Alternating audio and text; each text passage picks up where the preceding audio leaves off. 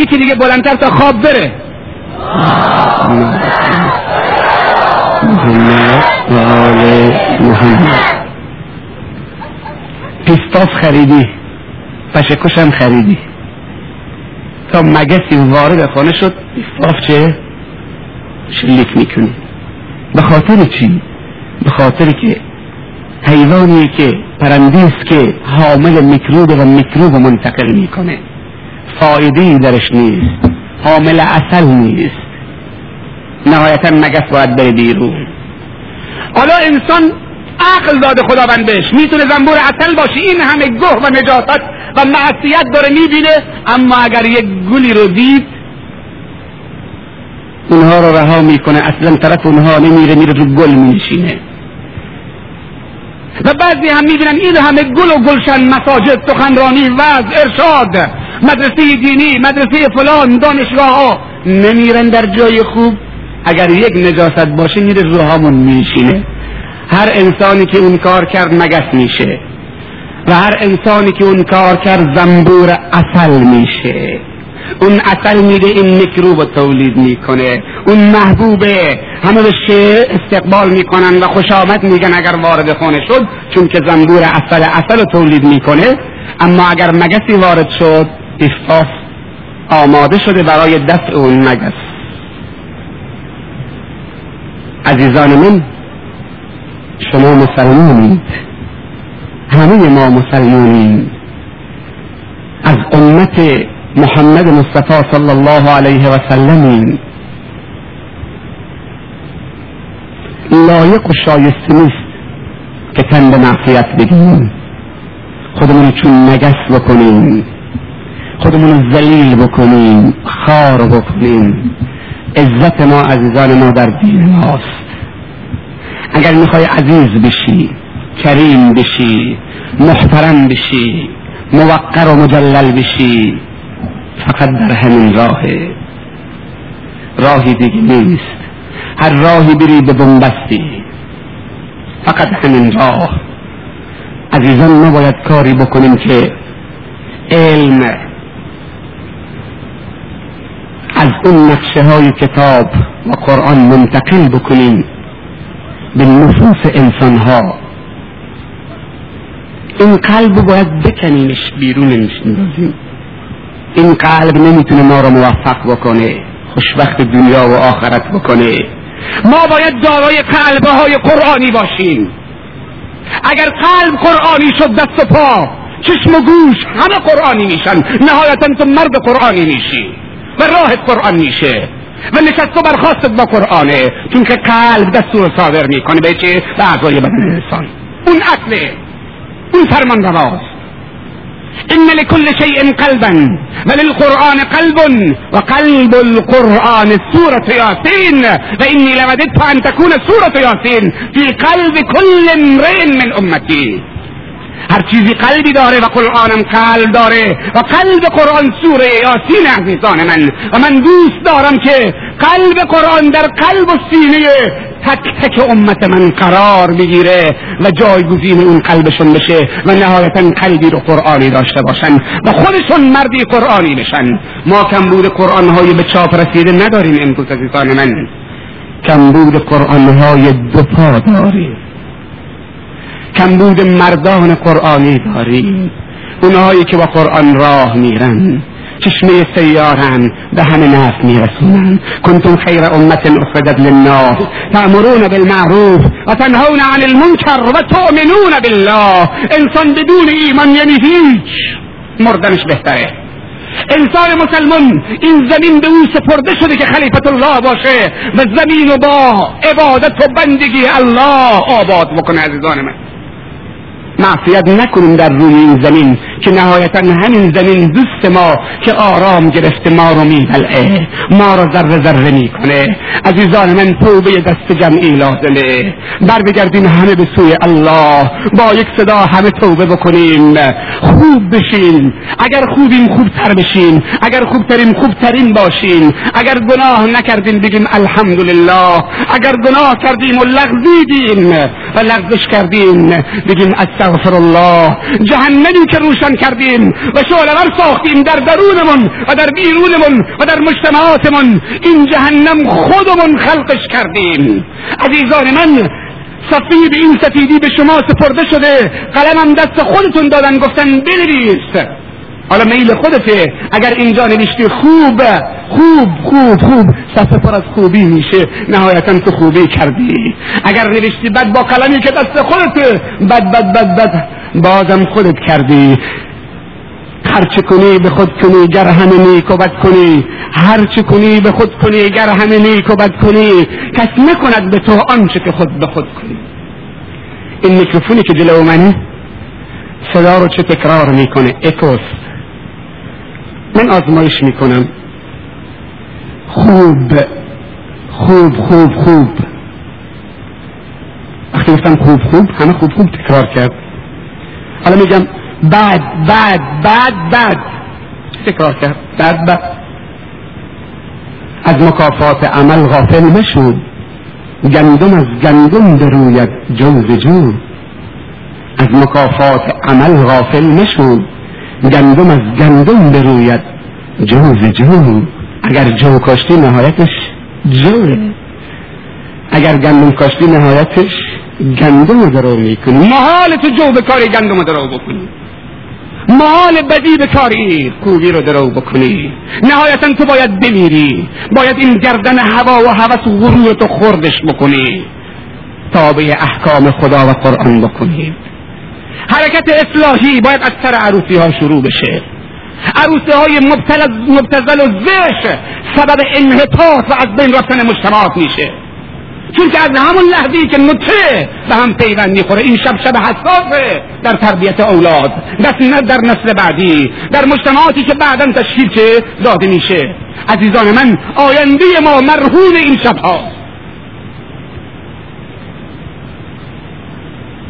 ما چیزهایی در اسلام داریم که غنی هستیم احتیاج نداریم دستمان دراز بکنیم.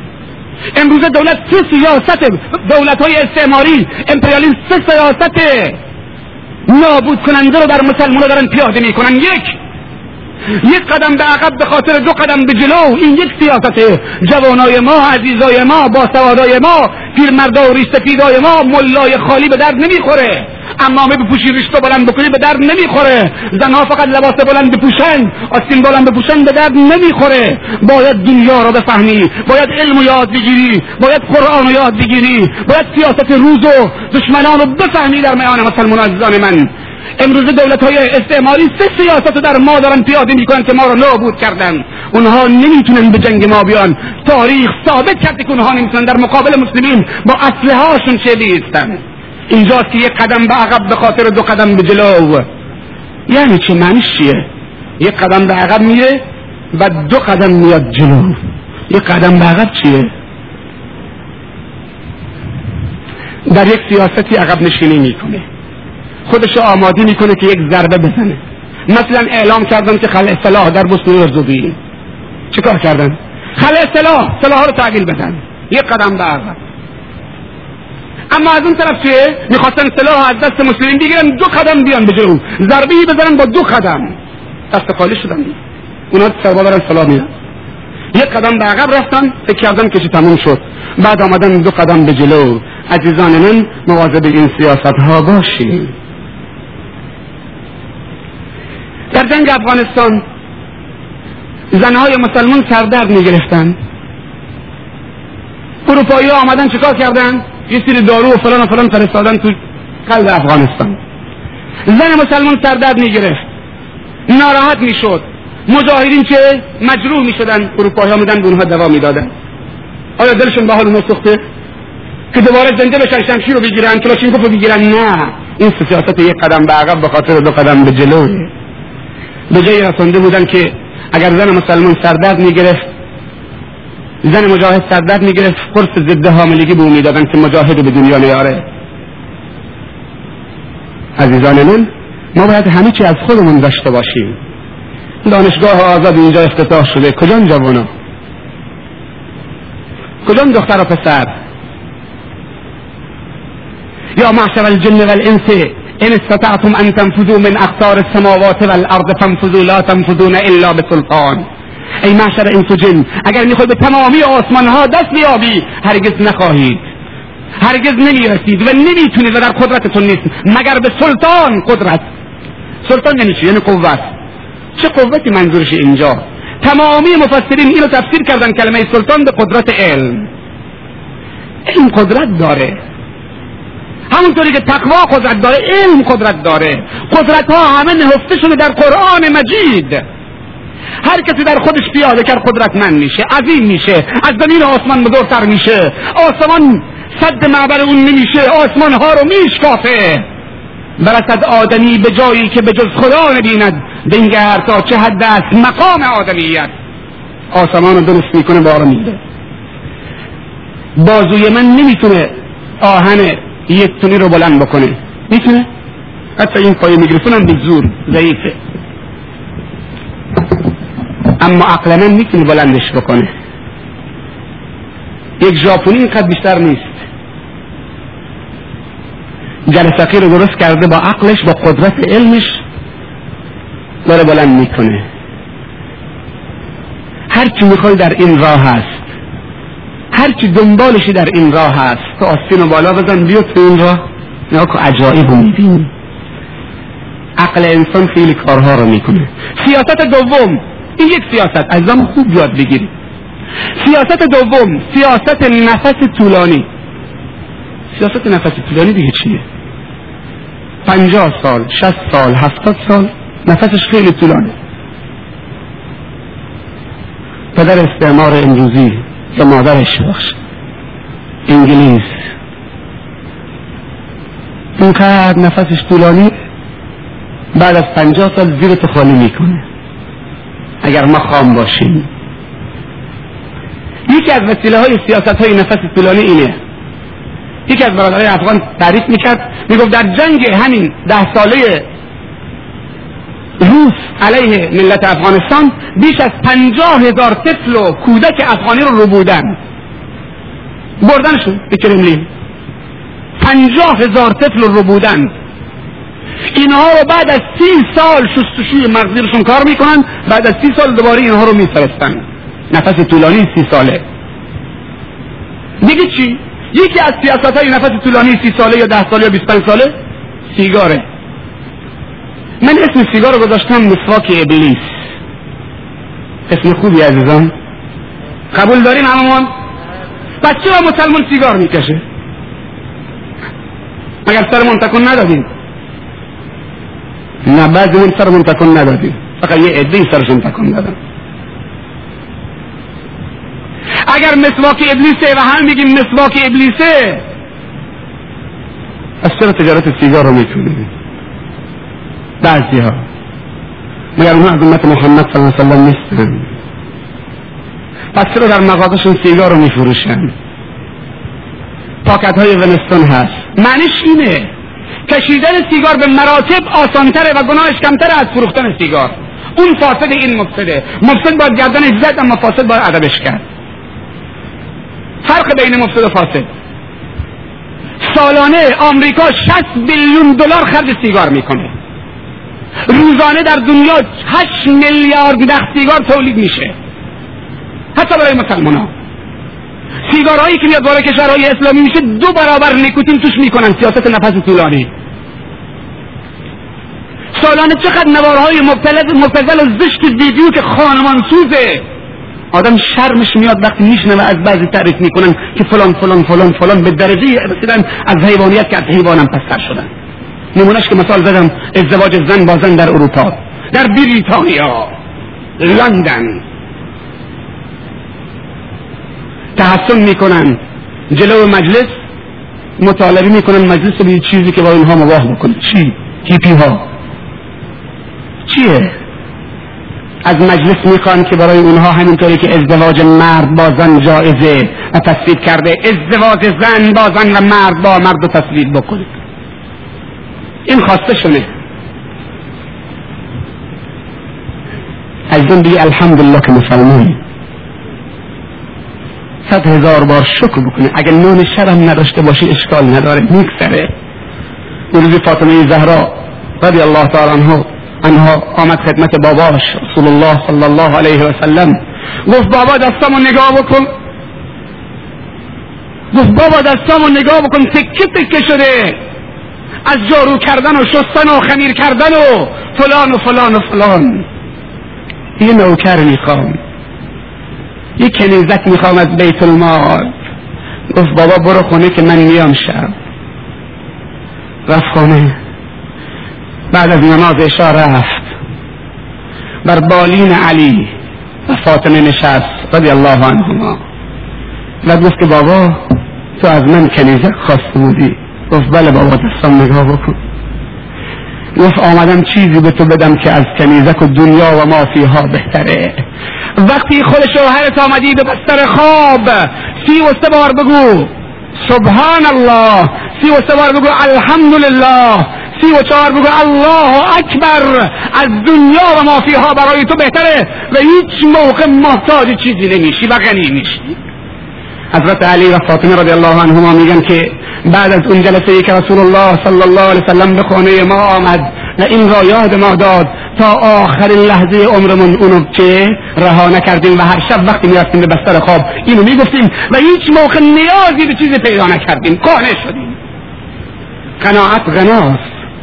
یکی از وسایلی که انسان غنی می‌کنه قناعت عزیزان من. سیاست نفس طولانی. یکی از بزرگان یهود میگه که کاری که یک بوتل ویسکی یک پیک ویسکی و یک زن رقاصی مسلمون در میان مسلمان ها می‌تونه انجام بده صدها توپ و تانک و موشک ما عاجزه نگاه کن چطوری برای ما نقشه کشیدن. کاری که چه؟ یک بوتل ویسکی یک پیک ویسکی یک شیشه شراب و یک زن رقاصی مسلمان ها در بین مسلمان می‌تونه انجام بده به نفع ما برای ما. صدها توپتان که ما عاجزه. ما باید کاری بکنیم که مسلمان ها مخمار بشن مدمن الخمر بشن مشروبی بشن معتاد بشن بنگاه شیشی بشن تریاکش بشن سیگار کش بشن. چهار میلیارد جمعیت دنیا هشت میلیارد نخ سیگار داره تولید میشه. برای اولین بار 600 سال پیش در کشور مراکش یک دکتر یهودی برای اولین بار تتنا وارد کشور مراکش کرد. مسلمان که میسن سیگار چیه تنباکو چیه تتن چیه؟ اونها رو وادار کرد که برای سردرد و کمردرد خوبه بکشیدش. یهودی دیگه پشت همه این بدبختی ها یهوده. بکشید آقا کارخانه ها مال خودشونه. نوارهایی به خدا قسم نوارهای زشتی که در انگلیس و فرانسه و آمریکا و اسرائیل ممنوعه در کشورهای اسلامی چه؟ دارن پخشش می‌کنن. یعنی برای خودشون ممنوع کردن که در سینمان ها و در چه در جاهای دیگه نمایش بدن. این نوارهای زشت مخصوص چه از بین بردن مسلمان هاست مسلمان ها اینها رو خریدن تو خانه هاشون اگر ضبط صوتش ببخشید اگر ویدیوش با پخش نیست ضبط و پخش نیست ناراحته. اگر تلویزیونش رنگی نیست ناراحته. به خاطر که سفید و سیاه می‌بینه. به شوهرش میگه برو قاچاق بکن من تلویزیون رنگی می‌خوام. کانال ماهواره می‌خوام که همه چیز رو ببینم. چی رو ببینی؟ کور میشی. می‌خوای ببینی؟ می‌خوای ماورات طبیعت رو ببینی؟ می‌خوای اسرار ازل رو ببینی از پشت پرده؟ این دوتا چشمی که تو دلت بازش بکن. این چیزها چشم کور می‌کنه. سیاست نفس طولانی عزیزان من شاعر چی میگه؟ نفس بر می‌زنم قلیون دهد دود که تنباکو ندارد مایه و سود. نفس بر می‌زنم قلیون دهد دود که تنباکو ندارد مایه و سود. کسان گویند که تنباکو طبیب طبیب کس نباشد آتش و دود. عزیزان من هر کسی سیگار تو جیبشه وقت رفت از این مجلس اینجا نه. یه باشه که درش بیاره کسی نبیدنش خوردش بکنه. از همین امشب مسواک رسول الله صلی الله علیه و سلم در دهانش بکساره کمر شیطون خورد بکنی نوارهای زشت مبتزل خانمانسوز و تکه تکه بکنیم پولش هم نمی‌خوایم تبدیل بشیم عوض بشیم. بهترین تلویزیون ما داریم. به خدا قسم. تلویزیون عرب و باز بکن چیه؟ بهترین تلویزیون و آموزنده ترین تلویزیون در اختیار ماست. بهترین رادیو ما داریم زمینه بازه فراهمه برای کسی که می‌خواد دیندار بشه. در فتانی و جنوب بانکوک و بانکوک کشور بوزی اسم اسلامی قاچاک عزیزان من.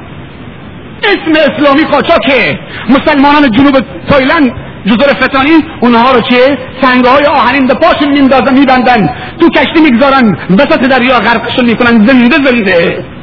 دوستایی داشتین در دانشگاه. دو تا اسم داشتند. اسم اسلامی و اسم چه بوزی که در شناسنامهشون بود در گذرنامهشون بود. گفتم این چیه؟ اشک از دزگانش سرازیر شد. گفت محمد. شما فکر می‌کنی که همشون مثل خودتون هم مثل ایرانه؟ مثل کشورهای اسلامی مثل خودتونن؟ عبدالله عبدالرحمن محمد خدیجه فاطمه فلان اسمای پاک. اسلامی آرزو می‌بریم اسم اسلامی قاچاکه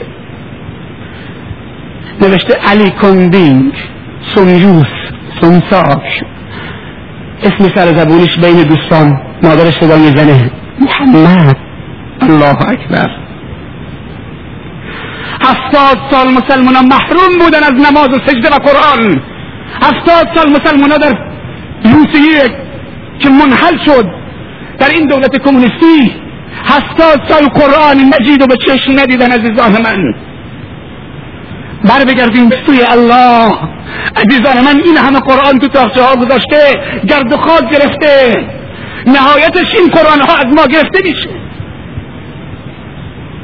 بر بگردیم عزیزان من تمرد نکنیم. کاری نکنید که یک بار پاتون بلغزه اگر لغزه دیگه رفت نمی‌تونی بگیرش شیطان کران بگشت به جز یک خطا نکرد. یک خطا یکی. خود را برای سجده آدم رضا نکرد. عزیزان بپریزید از جاهای زشت از چیزهای زشت از کارهای زشت از شنیدن چیزهای زشت صداهای زشت از نگاه کردن به نگاه های زشت چیزهای زشت.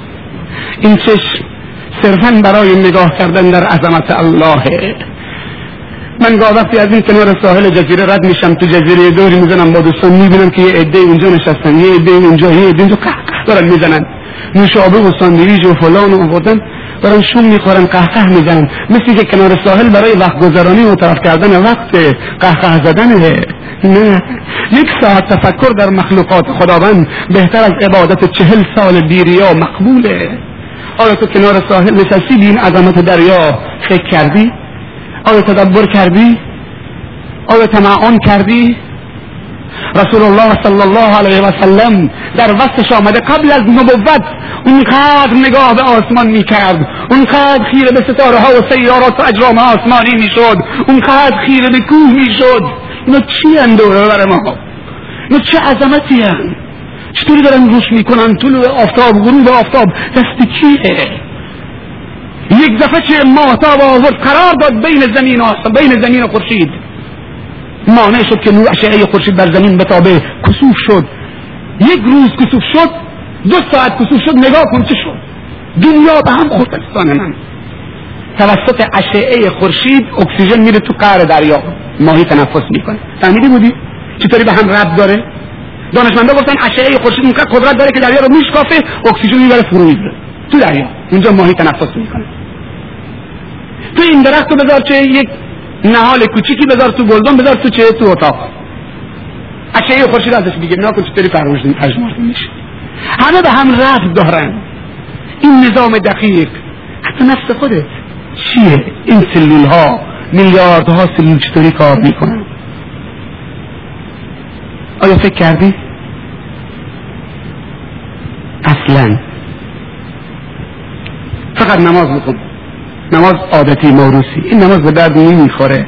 اسلامی که از آبا اجدادت همطوری به ارث بردی مثل چه ماشین و فلان به درد نمی‌خوره. اسلام با تحقیق لازمه. این لباس نباید برای شما تعیین بکنیم. خوب گوش بدن. لباس برای زنهای ما. چه تعیین کردن؟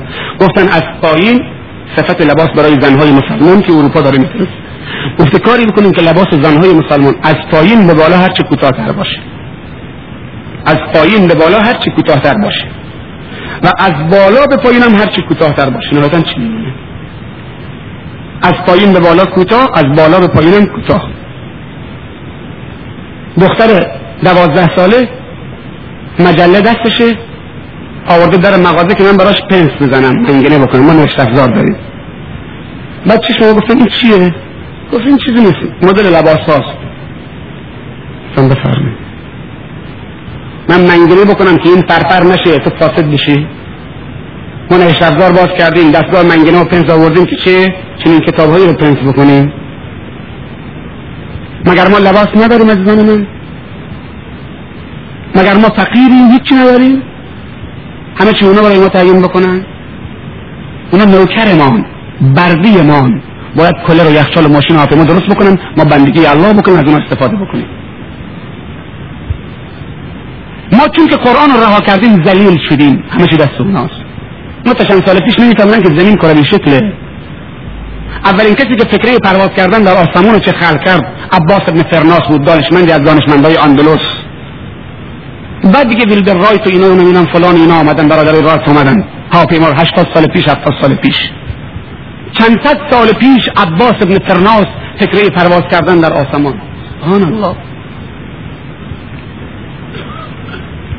عزیزان من؟ در این کتاب.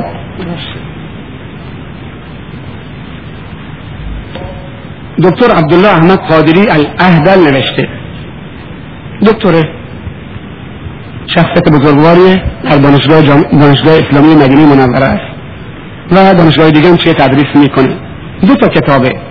حوارات مع مسلمین اروپیین. بحثایی که بین این شخصیت و مسلمان های اروپا که مسلمان شدن چه رد و بدل شده. یکی از مشهورترین خواننده های بریتانیا چیز حدود ده دوازده سال پیش مسلمان شدن به اسم یوسف اسلام. چند شب پیشم رادیو لندن درباره این شخصیت صحبت کرد. مدرسه دینی در خود لندن برقرار کرده و از پوله هایی که از موسیقی و کارهای دیگه خوانندگی قبلا کسب کرده بود صرف این مدرسه می‌کنه و الان توبه کرده. علت اسلامش عزیزان من میگه اونقدر به پول رسیدم و در موسیقی مشهور شدم این آوردن برای بعض عزیزان که ببینن که دنیا چه داره میشه و چه افرادی دارن توبه می‌کنن. خصوصا برای قشرهایی که اود دارن موسیقارن سرکار با موسیقی دارن. مشهورترین خواننده لندن و انگلیس با اون همه شهرت موسیقاریش که نهایتا رو به قبل میسته و میگه اشهد ان لا اله الا الله و اشهد ان محمد رسول الله. از یک صلوات بلند خواهد بکنم.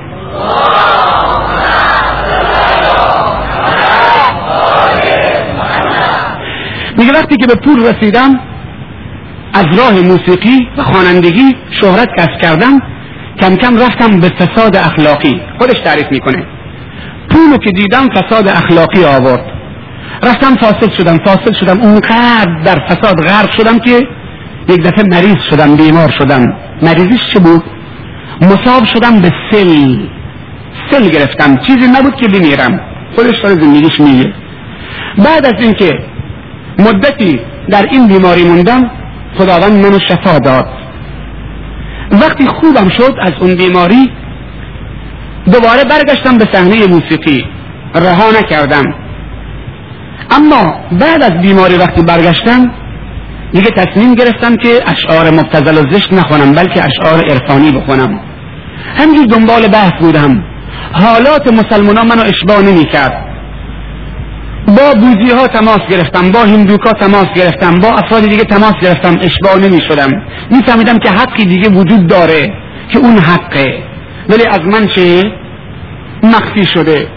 می گفتن اسلامی هست. وقتی مسلمان ها رو می دیدم از اسلام بیزار می شدم تا اینکه هشت سال پیش باشید چند سال پیش هنگامی که عمرم 28 ساله بود برای اولین بار شخصی یک نسخه قرآن رو به من هدیه داد با ترجمه خیلی مختصر زیر اون آیات قرآنی.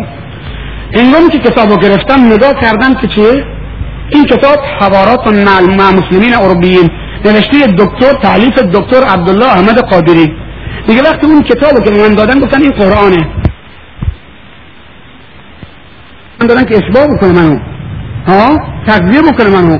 جوابگویی که خله که در منه کمبوده هایی که در منه جوابگو باشه. بعد نگاه کردم که اسمی ننوشته. اصلا اسم نداره اسم معلف نداره. ننوشته این کتاب که تعلیف کرده. بس سوال کردم که این چیز عجیب برای من بود. چطور کتاب بدون تعلیف یعنی بدون معلف نویسنده چرا اسمشو ننوشته؟ بس سوال کردم گفتم این کتاب کیه؟ نویسندش الله هیچ احدی جرأت نمی‌کنه ادعا بکنه که که این کتاب نویشه اونه تعلیف اونه. عزیزان من این کلام در حالت در متکلم میده. کلام حقه. این سوال کوچک برای عزیزانی که بعضی از افکار کمونیستی اونها رو مشغول می‌کنه فکرشون. آیا تا به حال شنیدید که کسی بیاد از بشر بگه من کوه خلق کردم؟ شنیدید از من؟ پاشا. یه نفر ادعا می‌کنه که من این میکروفون رو درست کردم خلقش کردم. این دستگاه فیلم برداری پاناسونی که هرچی هست من اینو درست کردم خلقش کردم. این قلم پارکر من خلقش کردم این ماشین من خلقش کردم. آیا شما تو شما رو به خدا قسم آیا شنیدید تا به حال آیا شنیدید تا به حال از این سوالا بعد جواب میدم. اگر فرصتی شد به شما چه؟ خسته نشدید. آیا شنیدید تا به حال کسی ادعا بکنه که من خالق این دنیام؟ آیا شنیدید کسی جرأت بکنه که من خالق دریام؟ من دریا رو خلق کردم من خورشید رو خلق کردم. خورشیدی که یک میلیون برابر زمینه. من این اجزا من طلوع می‌دهم من غروب می‌دهم من کوه خلق کردم من فلان رو خلق کردم. هیچ کسی چنین ادعایی نکرده. نه از قدیم الایام نه در حال نه در آینده. جرأت چنین ادعایی رو نداره. تنها کسی که چنین ادعایی رو کرده و به خودش جرأت داده که ادعای چه؟ خلاقیت. بکنه الله. الله خالق کل شیء اینم کلام الله. یوسف اسلام میگه قرآن رو دیدم دیدم که چه اسم معلف نویسنده ننوشته. کسی جرأت نمی‌کنه که اسم خودش رو پشت قرآن بنویسه بگه این کتاب و کلام منه. هیچ کسی چنین جرأتی نداره که ادعا بکنه. الله ادعا کرده این کلام منه.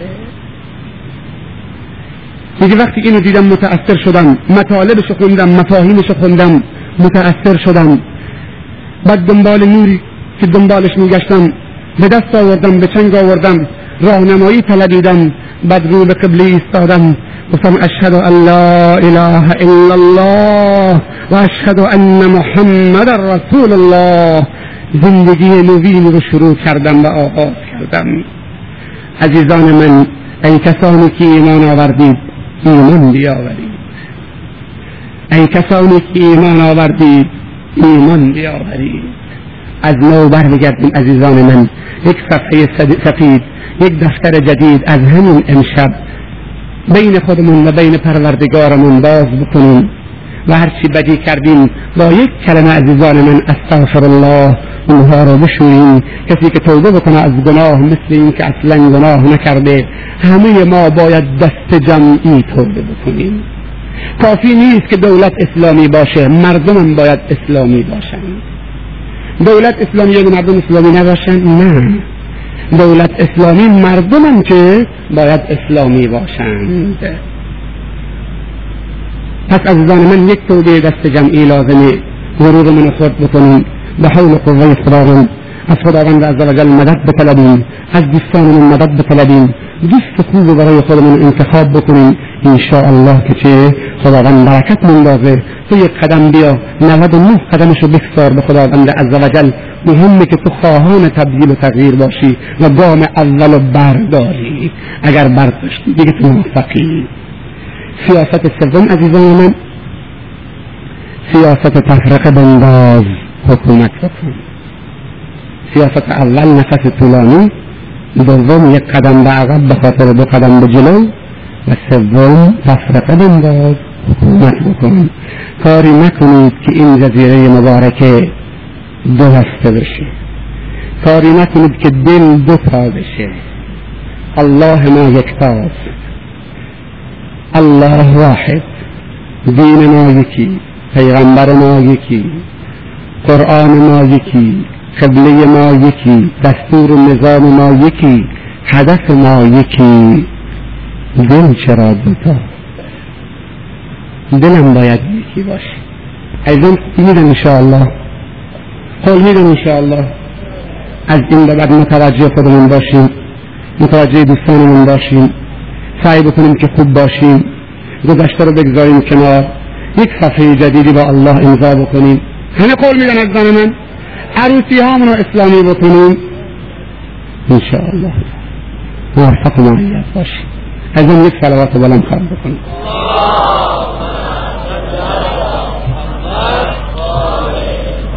بعد؟ همین از اون به خداوند عزیزل میسپارم. سوالهایی که اول بود نوبتی سریع انتر خواهد بکنیم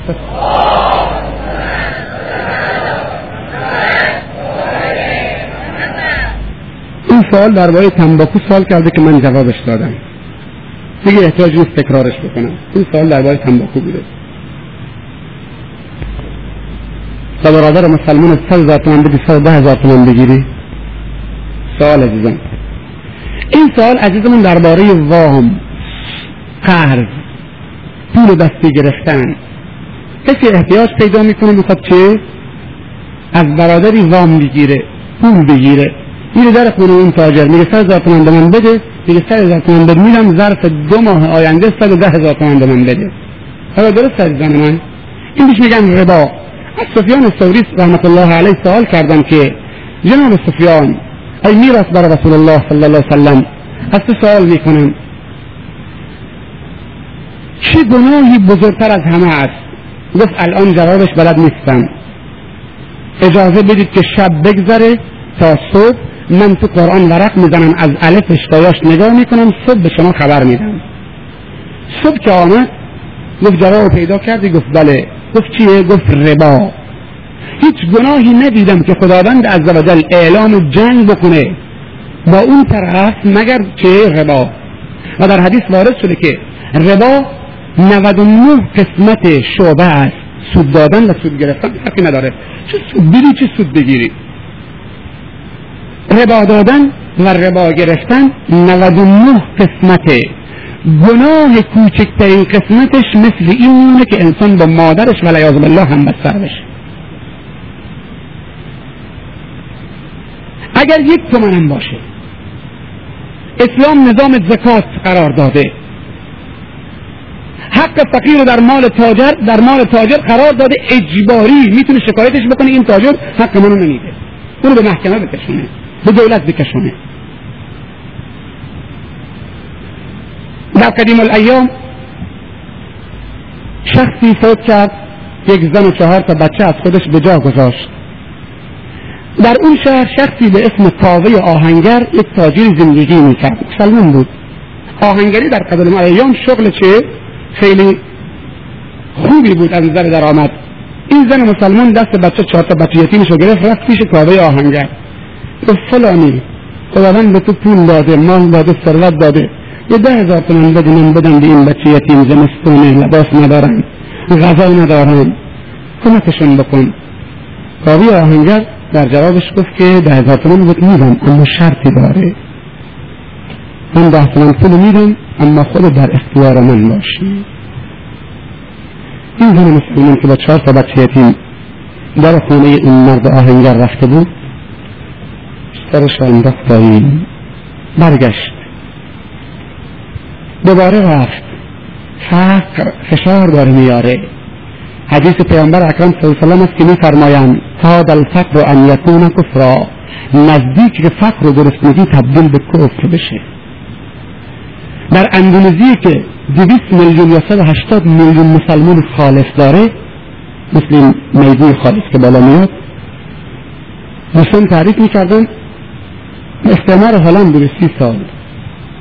تعریف می‌کردن می‌گفتن در هر کوردی در هر بیابونی کویری فلاتی صحرایی که اصلا آبادی نیست یک کلیسا درست کردن گفتم چرا؟ گفتم کلیسا درست کردن که برنامه ریختن ظرف پنجاه سال آینده دویست میلیون مسلمان اندونزی رو همه چه مسیحی بکنن. گفتم چطوری وارد میشن گفتن از فرد. مسلمان ها پاشون عقب کشیدن. عرب ها فقط پول چه در کازابلانکا و بانکوک و فلان و فلان دارن خرج می‌کنن و جزیره موریس مسلمان زکات مالشون نمیدن. مسلمان فقیر شدن. نهایتا مستعمرین میان مسیحی ها میان مبشرین میان. مستشرقین دارن برنامه میریزن در وینا کمک مالی می‌کنن یک قرص میده رو می‌گیره. یک قرص میده یک شیشه کپسول بهش میده بعد میگه اول ایمانتو بده تا کپسول بهت بدن اول برو تو اون کلیسایی که درست کردن بعد تا کپسول بهت بدن این زن مسلمان با چه امیدی رفت در خونه کاوه آهنگر؟ ثروتمند بود نداد گفت شرط داره. برگشت. فقط کفر میاره از زن من. سوال از رباس از وام از سوده برادر احتیاط پیدا می‌کنه. میاد در خونه میگه سر هزار تومن به من وام بده. تو میگه سر هزار تومن بد میدم سر ده هزار تومن بده. چه تو که بدی و چه اون که بگیره حد در گناه یکی هم. حد اقل گناهش با مادرش هم بستر شده. حدیث رسول الله صلی الله علیه و سلم. حرف محمد صالح پرگل نیست. بندازش بیرون اگر حرف محمد صالح پرگل. برای بار سوم رفت. گفت ده هزار تومن بده. گفت شرط داره. گفت شرط قبولمه دیگه راهی دیگه نیست. اما منم یه شرط دارم. من زن ضعیفه شرط دارم. گفت شرط چیه؟ گفت منو جایی ببر اون عمل زشت انجام بده که هیچ کس در اونجا نباشه و هیچ کس منو تو رو نبینه و شرط قبولم این ده هزار تومن. رحم مروت و انسانیت و شفقت و اسلامیت رفته از جان من. حاضرم که هفتاد هزار تومن سر یک مخنث رقاصه بریزن برای بساط معصیت و گناه و تمرد چه صرف بکنن یک سازی که میارن سر عروسی یک اودی که میارن اول باید بیانه بدن بعد 150 هزار تومن پول بهش بدن بچه 200 هزار تومن 500 هزار تومن هم هزاری به هوا پرت می‌کنن غیر از مشروب و فلان و فلان. یک کیک سفره عقد عزیزان من چند باشه خوبه 300 هزار تومن یک کیک سفره عقد یک عروس و داماد مسلمان قیمتش 300 هزار تومن مهریه چهارده میلیون تومن کدوم خدایی گفته؟ کدوم پیغمبری گفته؟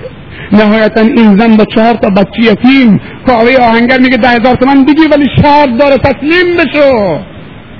در حدیث وارد شده اگر کسی دست این پنجشو بگذاره سوروی بچه سر بچه یتیمی دست نوازش بکشه بر سر بچه یتیمی خداوند به اندازه موهای اون بچه یتیمی که رو سر اون بچه یتیمه که زیر دست این تاجر میده میاد یا این شخصی که برای کمک به بچه یتیم می‌کنه یا دست می‌کشه به اندازه هر تار موی اون بچه یتیم یک حسنه و یک صدقه داره.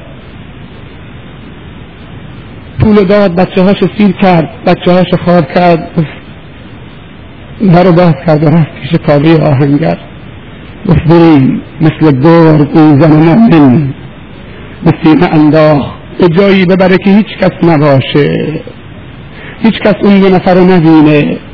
نهایتا وارد ویلایی شد در باغی در گوشه شهر انگامی که در باز کرد دست اون زن مؤمنه رو. تون کرد و کشید. اونو بلعید. به داخل خونه درها رو قفل کرد. در تو در بود رفتن داخل همه درها رو قفل کرد. در حالی که اون زن مسلمان میلرزید. افتتش شرفش میکن ازش می‌گیرن. به خاطر ده هزار تومن پول. کلان کجان اونهایی که چنین بیوزنهایی و چنین ایتامی رعایت بکنند؟ ازشون نگهداری بکنن بهشون سر بزنند هوایجشون برطرف بکنن که رسول الله صلی الله علیه وسلم میفرمایند انا و کافل الیتیم که هاتین فی الجنه من و کافل یتیم و بیوزن مثل این دو انگشتانم به هم نزدیکن از هم فاصله نمی‌گیریم در بهشت خداوندی. درها رو بست هنگامی که می‌خواست اون زن مسلمان ها تکه تکه بکنه و شرفشو لکه دار بکنه گفت ای کابه آهنگر دروغ گو. من گفتم منو جایی ببر که هیچ کس نباشه. گفت اینجا هیچ کس نیست. من به تو دروغ نگفتم. اون زن مسلمان گفت اینجا الله. منو جایی ببر که الله نباشه. هنگامی که اسم الله برد مثلی که فراموش کرده بود که اللهی هم هست فکر در بست در قفل کرد. شکار به چنگ آورد. چراغ خاموش کرد. تموم شد. هنگامی که گفت اینجا الله. اگر می‌خوای معصیت بکنی از زیر زمین از زیر آسمان الله برید بیرون. اگر می‌خوای گناه بکنید از روی زمین الله برید بیرون. برید جایی که ملک الله نباشه. اونجا گناه بکنید. آسمان الله زمین الله دریای الله ماهی الله گوشت الله پول الله باران الله رزق روزی الله نعمت الله معصیت الله. تعصي الإله وأنت تظهر حبه. لعمرك هذا في الكلام بديع. لو كان حبك صادقا لأطعته إن الحبيب لمن يحب مطيع. معصية الله میکنی بعد الله دوست خدا به داد اون کاوه آهنگر رسید هنگامی که گفت از الله بترس اینجا الله ما رو میبینه. دست پاش لرزید و اون خانه و اون پول و اون سرمایه را همه رها کرد و دیوانه شد رفت به بیابان. کاری نکنید که اونجا کار برسه همه کس نمی‌تونه دیوانه بشه و بره به بیابان. کاری نکنید که شیطان ما رو به اونجا بکشونه. اونجا دیگه خیلی کار مشکله شخصی آمد در خانه در خانه همسایی. گفت فلانی من مسئله کرده ده هزار تومن پول داری به من بدی. به عنوان قرض. دست ها صدقه تقول الله نمی‌خوام. قرض می‌خوام. الان پول ندارم. هیچ وقتی پول بهم رسید کار کردم حقوقم گرفتم کارمندم پول بد میدم. ده هزار تومن بعد من فردل بهش گفت نه. پول داره؟ و تو کنه گفت نه من ندارم. رفت آمد. ببخش کسی دیگه است بعد رفتم تو صندوق ده هزار تومن پول در آوردم یا به زنم گفتم زن برو ده هزار تومن پول بیار این همسایه عزیزم بدم در خود زشته. رفتم ده هزار تومن پول خانم آورد و دادم به همسایه. گرفت و رفت. وقتی همسایه رفت نشستم سر سفره. غذا آماده شد. همسایه ده هزار تومن پول رو گرفت و رفت. خانم شروع به غذا, غذا خوردن کرد. و یک دفعه اشک از چشمانم سرازیر شد. خانم گفت که چه گریه می‌کنی من آیا ده هزار تومن پول خیلی عزیز بود؟ تو که به خاطر ده هزار تومن پول داری گریه می‌کنی که به این همسایه دادی چرا بهش دادی که بعد نشستی داری گریه می‌کنی؟ زن داره میگه. پس وقتی پول اینقدر عزیزه که ده هزار تومن به همسایت کمک کردی اونم به عنوان دستی و قرض و وام نه به عنوان صدقه که برنگرده. و بعدش نشستی گریه می‌کنی پس نمی‌دادی بعد یک دفعه به زنش گفت که زن گریه من به خاطر ده هزار تومن پول نیست. گفت علتش چیه؟ گفت علتش اینه که وظیفه من بود که تفحص می کردم و حال همسایه رو میپرسیدم و آگاه می‌شدم و به سر می‌زدم. من در حق همسایه کوتاهی کردم تا اینکه مجبور شد بیاد اینجا سوال بکنه و دستشو دراز بکنه. من به خاطر این ناراحتم. چون که در حدیث وارد شده اگر کسی از مردم سوال بکنه جست پول بکنه روز قیامت میاد تو صورتش استخوان خالی گوش نیست. این گوشت میریزه از بس سوال می‌کنه. ما باید طوری بکنیم که آبرو و گوشت صورت برادر من حفظش بکنیم از زن من. فردا تو احتیاج پیدا می‌کنی ده هزار تومن بده دیگه عوضش نخواه عبدالرحمن ابن عوف یکی از بزرگترین تجار صحابه و اهل مدینه مالشو به سه قسمت کرده بود از زن من. یک قسمت به عنوان صدقه نشون می‌داد در مدینه و یک قسمت به عنوان چه؟ دینشونو قضا می‌داد. و یک قسمت هم چه؟ شریکشون کرده بود در مالش قافله هفتاد شطوری از شام میاد. تجار مدینه میان میگن که عبدالرحمن یک تومن ده تومن قافله مال ما باشه. بعد در جوابشون گفت بیشتر به من دادن. گفتن عبدالرحمن یک تومن بیست تومن چی میگی؟ انصاف خوب دیگه؟ یک تومن بیست تومن گفت بیشتر به من دادن. یک تومن صد تومن گفت بیشتر به من دادن. نهایتا تجار گفتن یک تومن دویست تومن بد انصاف دیگه خوبه. گفت بیشتر به من دادن. تجار نگاه به هم دیگه کردن. گفت فلانی تو مدینه دیگه کسی تاجر هست؟ اصلا تو جزیره العرب که یک تومن دویست تومن بیشتر بده. گفت همه شما گواه باشی. من می‌خوام دوان دوان وارد بهش بشم روز قیامت. از قافل عقب نمانم. هر هفتصد تا شطور در راه الله برای فقرا و مساکین چه توضیح بشه. کنار حرم رسول الله صلی الله علیه وسلم یک تومن هفتصد تومن به من داده شده. چی داده؟ الله داده یک تومن هفتصد تومن. الله که یک تومن هفتصد تومن میده. از خودت میگی یک تومن هفتصد تومن آیه قرآنی. هست آیه چیه؟ مثل الذين ينفقون أموالهم في سبيل الله كمثل حبة. أنبتت سبع سنابل في كل سنبلة مئة حبة. والله يضاعف لمن يشاء مثال کسانی که یک تومن انفاق میکنن ده تومن میگیرن. ها؟ مثل چه؟ که مثل حبة. مثل یک دانه گندمی که تو اون چه میکاری در دل زمین؟ آبیاری می‌کنی اون دانه گندم رشد می‌کنه میاد بالا جوانی می‌زنه شاخی می‌زنه شاخ برگ می‌زنه بچه سنبل. مثل الذين ينفقون أموالهم في سبيل الله كمثل حبة أنبتت سبع سنابل. هر سنبولی هفت سنبول می‌زنه. هر سنبولی چند تا توشه عزیزان من؟ صد تا. هفت تا صد تا و هفتصد تا. حاضرین با الله تجارت بکنیم. یک تومن هفتصد تومن عزیزان من یک مثال در باره حق همسایه می‌زنم که باید به همسایهمون برسیم. یه روزی شخصی وارد خانه عالی می‌شد. دانشمندی شیخی شد. بعد به عالم رو کرد و گفت فلانی خانه پر موشه. گفت منم می‌بینم که پر موشه چیکارش بکنم؟ گفت که دواش پیش من خیلی آسونه. گفت جزاکم الله خیرا این دوا رو به من بده. گفت یک گربه بیار این موشه همه خودش میرن بیرون. دردش یک گربه است. موش از گربه فرار می‌کنن تو گربه فرار می‌کنه. گفت یک گربه بیار تو این خانه رهاش بکن موشه همه میرن بیرون. گفت این می‌دونم. موشه کجا میرن؟ گفت موشه میرن تو کوچه. گفت نهایتا بعد از کوچه کجا میرن؟ میرن تو خونه همسایه. حالا سرش تکون داد. لذت پشت کمر دوستش. گفت عزیزم این حل نیست.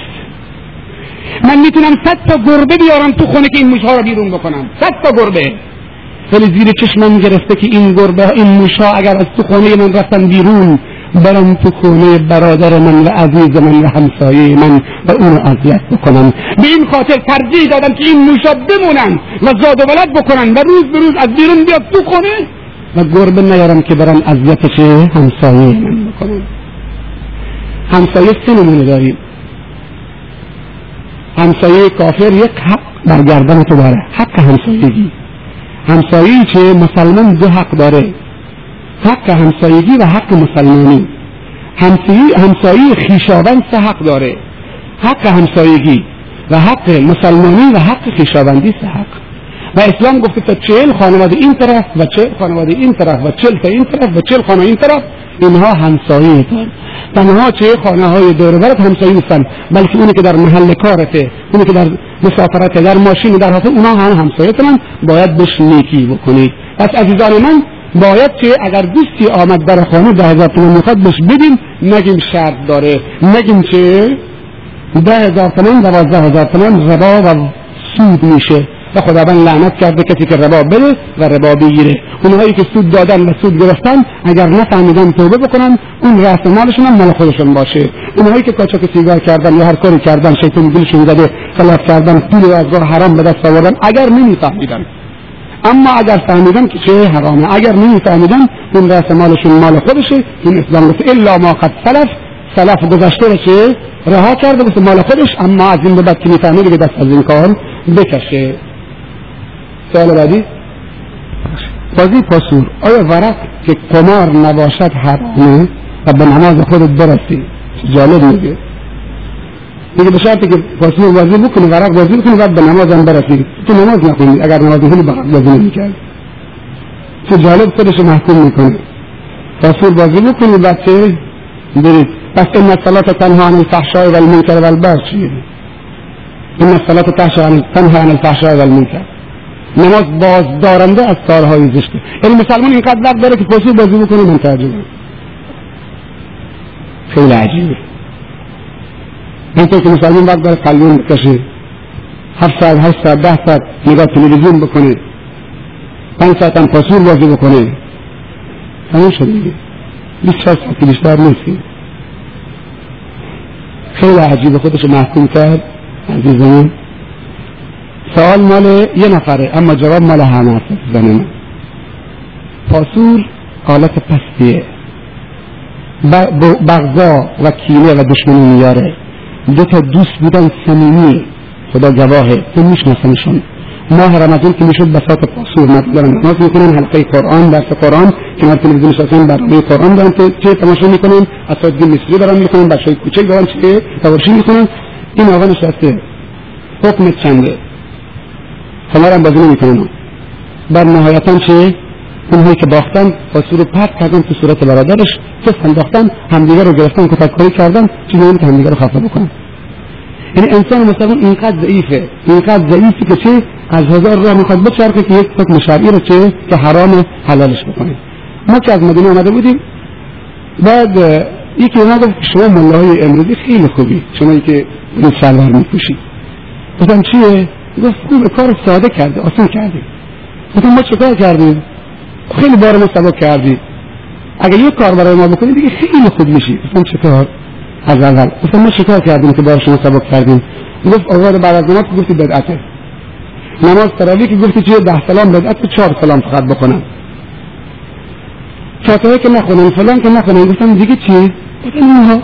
از بین بردی. جزاکم الله خیرا. اگه یک کار برای ما بکنی دیگه خیلی شما خوب میشی. گفتم چه کار؟ همین نماز صبح از ما بنداز. که سخته کمی. دیگه شما خیلی ملای خوبی میشی. اما نماز من نمی‌تونیم بریم. یکم یاد این بازی پاسو رو ما نماز که میریم اوکی از اون تعطیلش می‌کنیم قمار هم بازی نمی‌کنیم سیگار که عشقی می‌کشم مشروع هم به خاطر که دوستم گفته دیگه ناراحت میشم. ساز و جاز و فلان و اینم که آوردم دسته و کس به خاطر که دیگه دوست ناراحت میشن زحمت کشیدن. مادرم نظر بسته. به گفته آقای بخشایش خدا حفظش بکنه. تو یک از سخنرانیش می‌گفت که یک مادری نظر بسته چه؟ سر عروسی پسرش ساز میاره سبحان الله خدای بخشایش میگه خدا حفظش بکنه. این سخنرانیش می‌گفت ما شنیده بودیم نظر روزه نظر نماز نظر صدقه اگه این مشکل من برآورده شد این که پول به فقرا بدم روزه بگیرم. اما نظر ساز دیگه نشنیده نهایتا تو آخر عمری نظر ساز و جاز هم شنیدیم. بچم داماد بشه برفتم نظر گرفتم که برفتم دست مال بازی بکنم. سیزن هفتاد سالش خجالت نمی‌کشه. بسم الله الرحمن الرحيم تبارك الذي بيده الملك وهو على كل شيء قدير. الذي خلق الموت والحياة ليبلوكم أيكم أحسن عملا وهو العزيز الغفور. الذي خلق سبع سماوات طباقا ما ترى في خلق الرحمن من تفاوت. فارجع البصر هل ترى من فطور؟ ثم ارجع البصر كرتين ينقلب إليك البصر خاسئا وهو حسير. ولقد زينا السماء الدنيا بمصابيح وجعلناها بمصابيح وجعلناها رجوما للشياطين. وأعتدنا لهم عذاب السعير وللذين كفروا بربهم عذاب جهنم وبئس المصير. إذا ألقوا فيها سمعوا لها شهيقا وهي تفور. تكاد تميز من الغيظ. كلما ألقي فيها فوج سألهم خزنتها ألم يأتكم نذير؟ قالوا بلى قد جاءنا نذير فكذبنا وقلنا ما نزل الله من شيء إن أنت أنتم أنتم إلا في ضلال كبير. وقالوا لو كنا نسمع أو نعقل ما كنا في أصحاب السعير فاعترفوا بذنبهم.